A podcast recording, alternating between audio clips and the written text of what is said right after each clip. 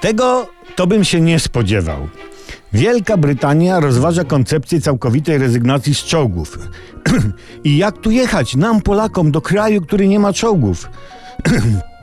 Przyjeżdżasz do Wielkiej Brytanii i pierwsze radosne pytanie, jakie się samo narzuca każdemu Polakowi do pierwszego napotkanego Brytyjczyka: jak tam wasze czołgi?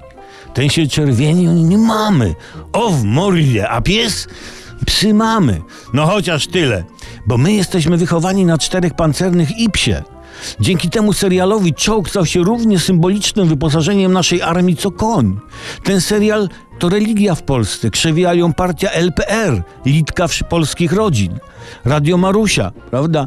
Czterej i pies mieli taki PR, taki image, że Hitler no nie miał szans. Nie miał szans. Bo tak, dowódca młody, ładny blondynek, mechanik zabójczy brunet. No, w Rzeszy też niby był zabójczy brunet, ale miał węższego wąsa. Węższego miał. Ładowniczy, silny, prosty chłop, wiejski głupek przy CKM-ie, pies, dwie paniany się wokół nich kręcą, no dla każdego coś miłego. I słuchajcie, trzeba Brytyjczykom w ramach promocji czołgów puścić w telewizji nasz serial Cztery Pancernie i Pies w wersji angielskiej. Four Tankers and the Dog. I postacie takie, Janek Kos, czyli Johnny Blackbird, nie?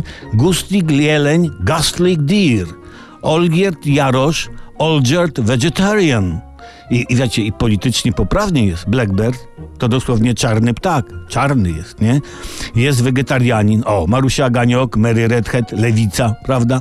Promując serial, byśmy zorganizowali Brytolo nad Tamizą takie puszczanie Janków, jak nad Wisłą u nas.